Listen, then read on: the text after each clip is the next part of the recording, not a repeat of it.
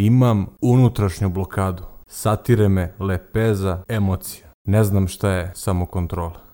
Emocije su tvoji prijatelji koji potpomažu tvoje mentalno zdravlje. Slušate Podsvest, podcast o mentalnom zdravlju tinejdžera i adolescenata.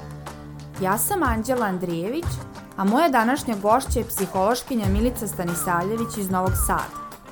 Sa njom razgovaram o emocionalnoj svesnosti i uticaju emocija na mentalno zdravlje. Ne postoje dobre i loše emocije. One su tu u nama i veoma je važno da ih prepoznamo. Njihovo zanemarivanje može da dovede do velikih problema u našem zdravlju, pogotovo psihičkom. Imenovanje emocija doprinosi njihovom prepoznavanju, a na taj način možemo bolje njima upravljati.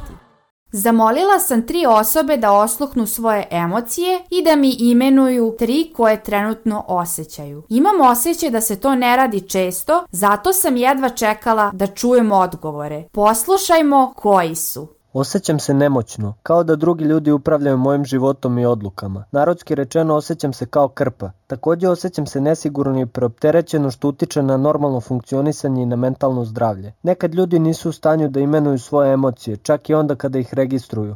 Ono što je moguće učiniti povodom toga jeste kolektivno širenje svesti o važnosti deljenja emocija sa drugima. Entuzijastično, nervozno i neizvesno. A što se tiče toga da li sama sebe sabotiram, da, definitivno često sama sebe sabotiram, samo što osjećam i onu drugu stranu, kada se ne sabotiram, već dajem sebi veter u leđa, podupiram se. Što mislim i da jeste lepota emocije da mi sami njom možemo da upravljamo. Emocije imenujem ne tako često, međutim u poslednje vreme sam krenuo jer mi je veoma bitno da ih imenujem jer sam tim, samim imenovanjem krećem da radim na njima.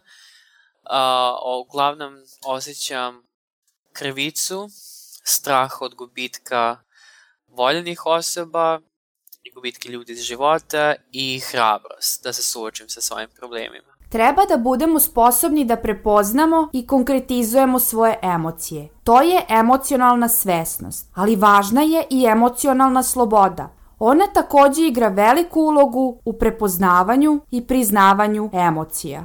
Psihološkinja Jasmina Kovačeva u knjizi Preobrazite svoje slabosti u snagu emocije upoređuje sa ledenim bregom gde je jedan manji deo na površini, a ogroman deo se krije ispod. Ističe da naša svest čini samo 5% našeg uma, a podsvest 95%. Kod adolescenata se javlja problem sa emocionalnom svešću, smatra psihološkinja Milica Stanisavljević. Nekako je lakše baviti se stvarima i suočiti se sa stvarima kad su one u stvari konkretne. Tako da je to negde, mo, možda bi mogao da, da bude neki prvi korak ili prva vežba, jeste da se zapitaju, aha, kako sam se tačno osjećao i zašto sam se tako osjećao.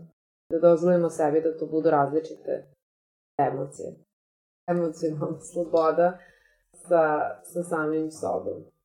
A onda, naravno, odlično ako mogu to i da podele sa nekim. Sa prijateljem, sa roditeljem, sa momkom, devojkom, sa kim god, da osjećaju da, da se osjećaju sigurno da u stvari podele to kako se osjećaju. Emocionalno zdravlje je baza za normalno funkcionisanje na psihološkom, ali i na socijalnom nivou. Iako je iskazivanje emocija ključ, adolescenti ih prikrivaju od bližnjih i socijalne okoline. Adolescenti se često nekako povlače uh, u sebe i u stvari nemaju veliku želju nekada da dele to kako se osjećaju sa drugima. Sada, nekada će se prije otvoriti vršnjacima, nekada će se prije otvoriti roditeljima, a nekada će u stvari da e, sami se nose sa, sa većinom stvari koje im se dešava. Tako da negde to verbalno iskazivanje, to da pokažu da su e, tužni ili da su ljuti ili da su sresni, je nekada za njih izazovno, jer u stvari to bi značilo da neko vidi kako se oni e, osjećaju, a na neki način se u stvari verovatno štite time što zadržavaju te emocije za sebe, te nekada i roditeljima teško da procene kako se osjeća njihovo dete, a nekada čak i drugima oko njih. Promene u emocijama mogu izazvati revoluciju osjećanja. Te revolucije, koliko god da su burne, one su i dobre, jer tada na drugačiji način, složeniji, možemo uvideti sebe i druge. Uz promenu emocija razvijamo i identitet. Imaju veliku potrebu da budu samostalni nekako da od nekog dečijeg perioda gde su gledali roditelje i društvo na određen način dolaze u jedno e, doba gde se osjećaju odraslim i gde mnogo toga zaista više i razumeju i shvataju, gde ih mnogo toga više zanima, gde nekako u stvari razvijaju svoj identitet. I mislim da ih često ljuti uh, neko, neki način nepoštovanje sada njihove uh, volje, želje, jer oni nekako osjećaju se dovoljno odrasli da donose svoje odluke, a često, mislim, često ili su maloletni ili neke druge stvari utiču na, na sada ispunjenje tih odluka.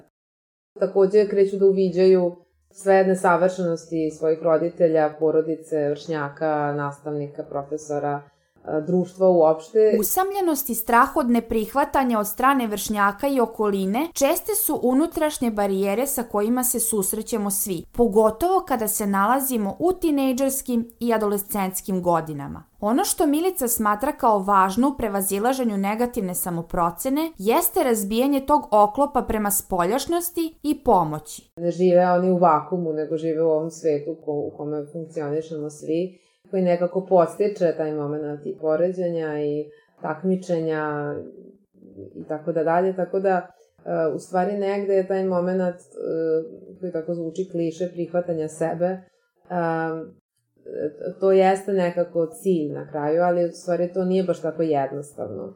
I nije lako kada se osjećaju loše i kao da ništa ne valjaju i da stvari ne idu, da se osjećaju kao već su sad baš super da prihvatim sebe, to nekako lakše za reći nego uraditi. Uh, ali negde uh, ono što mislim da je jako važno da uh, da shvate da se mnogi tako osjećaju, kao što se oni osjećaju. Mislim da se često osjećaju usamljeni u tome. Um, I da u stvari mogu da potraže podršku, da li od prijatelja, roditelja, psihoterapije, školskog psihologa, znam sada, e, na neke različite načine i da u stvari nekako e, da pokušaju da, da gledaju stvari ok i da stvarno znaju da mogu da se obrate nekom kad stvari postanu previše teške. Negativne emocije kao što su strah, sramota, beznađe, tuga, bes, ljubomora, intenzivnije su u ovom razdoblju. Adolescenti su skloni guranju po tepih, ali moment suočavanja sa emocijama predstavlja srž prihvatanja. Neke emocije ne volimo da osjećamo, uh, jer su nam teške, u stvari ljudi izbegavaju na neki način negativne emocije. Verovatno i sami prepoznaju koje stvari ih muče. Te stvari koje bi spala neke nezdrave emocije, u stvari su najteže za doživeti toj osobi koja ih doživljava. E, tako da mislim da je uh, važno da pokušaju da bolje razumeju sebe i da u stvari i odrasli sad u ovom slučaju takođe nekako da shvate. To je nekada ljut adolescens, to znači da možda ispod toga nije samo ljut, nego ga nešto i pogađa, možda ispod i, i tužan, ali mu je teže da nekako to uh, prihvati i da obradi. Neka istraživanja pokazuju da se potiskivanjem emocija može javiti oko 80% bolesti, a zarobljene emocije mogu ugroziti mentalno zdravlje. Psihološkinja Milica ističe da otvoreni razgovor i deljenje emocija vode ka njihovom oslobađanju.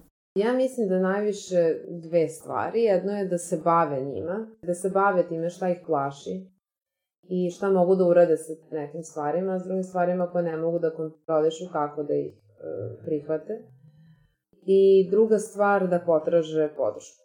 Znači da dele s nekim to što im se dešava. Zato što mislim da često imaju utisak da je samo do njih i da nekada razgovor sa prijateljem, s bratom, sestrom, nekim, e, može jako da pomogne. E, u tom smislu samo da se makar na trenutak, eto, da, da se oslobode tih emocija i da može dobiju neki dobar savet ili prosto da ih neko čuje. Uglavnom je ljudima najvažnije da neko ih sasluša. Mislim da je stvari najveći rizik kada ostaju sami sa svim svojim teškim emocijama. Nije lako nekako svoje najintimnije, ličnije stvari sad pričati e, tek tako, nego da to bude neko ko je njima od poverenja u tom trenutku, da oni mogu da se osjećaju stvari sigurno da nekako budu ranjivi. Pa kada kažemo nekom nešto što je nama lično, intimno, da često i druga osoba nekako takođe kaže neke stvari kroz koje ona prolazi, tako da nije samo to da dobijemo podršku, već se na neki način izbližimo sa nekim. To je takođe kako se i bliskost razvija i poverenje.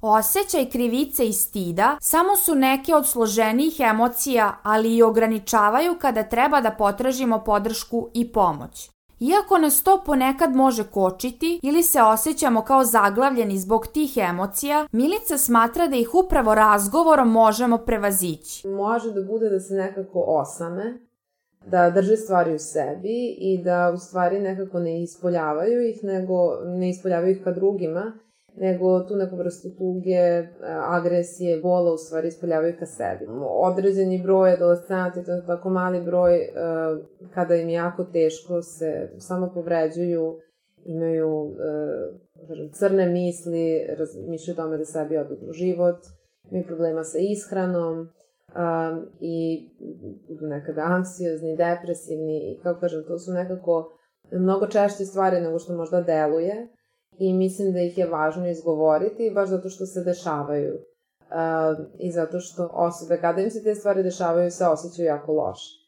I često ih je sramota da potraže pomoć, često se plaše da će ih ljudi osuditi, da će ih roditelji graditi, da, da će nekoga drugog povrediti time, da je njihov problem samo njihov problem, a u stvari njihov problem nije samo njihov problem, nego da imaju pravo da potraže podršku i da od svoje porodice prvenstveno pa i šire. Negde je baš bitno da ne budu sami u tomu.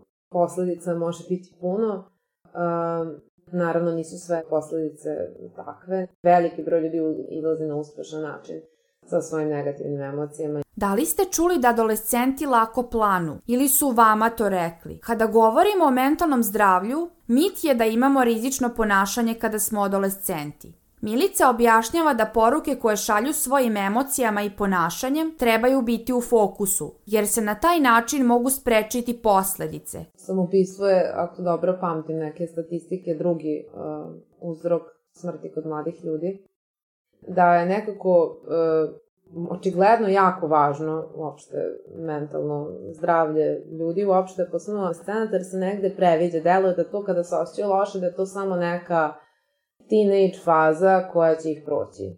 I da u stvari često oni govore o tome da se osjećaju loše, da su nesrećni, da su usamljeni um, i da drugi nekako to uzimaju u obzir kao, a dobro, proći će da.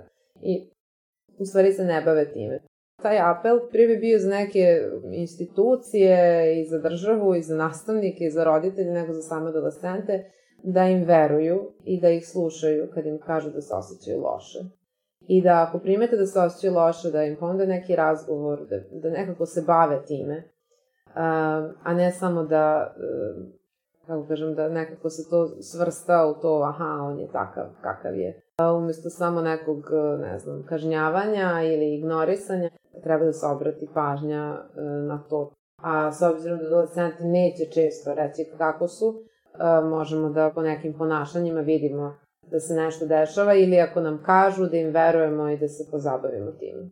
Rimski car i antički filozof Marko Aurelije je govorio da prepreke kada nešto radimo podstiču tu radnju i da ono što stoji na putu postaje put.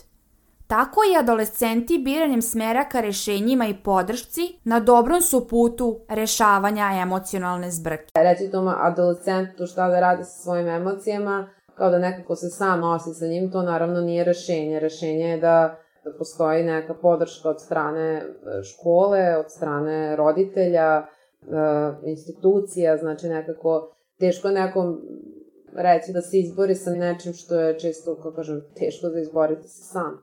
Cilj nam je da se i situacija u kojoj promeni, a ne samo da taj neko radi sad na, na tome da, ne znam, da ignoriše sad to, pa nekako nije to jedino rešenje. Ako im je teško da pozovu centar srce, da pričaju sa psihologom, da nekako da to ne ostane samo u njima, imaju pravo da, da se osjećaju kako se osjećaju i da će dobiti podršku koja im je potrebna i da je okej okay da je traže. Psihološkinja Milica Stanisavljević razmatra i mogućnost da se adolescenti i tinejdžeri, prateći sadržaje teme mentalnog zdravlja karakterističnih za njihovo razdoblje, na socijalnim mrežama ohrabre i istraju u borbi sa svojim emocijama. Mnoge poznate ličnosti sad pričaju o tome kako su nekim trenucima osjećale, nekako to više postaje tema i puno mladih ljudi u stvari prepoznaje da je na neki način to sada nije nešto što je toliko tabu kao što je možda nekada ljudima bilo. Ali Da, u stvari, mislim da taj moment da se ne osjećaju jedino oni tako može da, da pomognu, da razumeju. Da postoje drugi ljudi koji se muče sa istim stvarima i da postoje mnogi ljudi koji su se mučili pa su prevazišli neke od tih stvari. Pretpostavljam da je njima možda nekako bliži način da sada čuju nekoga, ne znam, na YouTube-u, TikToku, Instagramu, gde već kogod platforma ne koriste, ali da da u stvari im znači to kad vide, aha, neko drugi prolazi isto ovo i uspe neko da razreši i možda ja uspem da razrešim svoje. Najbitnije je ne ustručavati se, već potražiti pomoć školskog psihologa, psihoterapeuta, domova zdravlja, razgovarati o svojim emocijama putem telefonskog poziva organizacija koje nude besplatnu ili povoljniju psihološku pomoć kao i online savetovališta poput Pričajmo kod kuće koji funkcioniše na dva načina. Putem četa koji se nalazi na sajtu Mentalno zdravlje i korona ili putem maila pričajmo kod kuće gmail.com. Slušali ste Podsvest. Moje ime je Anđela Andrijević. Pročitala sam nedavno poređenje da su programi u našoj podsvesti kao snimljena traka. Nemoguće je izmeniti poruku koja se stalno vrti na traci podsvesti direktnom komunikacijom sa trakom, već se mora nasnimiti novi program na traku. Samo zamenom jednog dela trake koje nam šteti može da se promeni program. Isto je i sa emocijama. Otvorenim razgovorom o njima i zamenom štetnih, potisnutih i blokirajućih emocija pozitivnim unapređujemo naše mentalno zdravlje. U današnjoj epizodi sa psihološkinom Milicom Stanisavljević istakle smo koliko je emocionalna svesnost važan korak ka prevenciji emocionalnih poteškoća. Podsvest možete slušati na Sounder FM-u, Podcast RS-u, Google Podcastu i Spotify-u. Na društvenim mrežama Fabrike kreativnosti očekujem vaše komentare i teme za koje mislite da su tabu kada je u pitanju mentalno zdravlje adolescenata a važno ih je pustiti u podcast etar. Do sledećeg osluškivanja podsvesti, svaki dan imenujte tri emocije i pišite nam kako vam ide.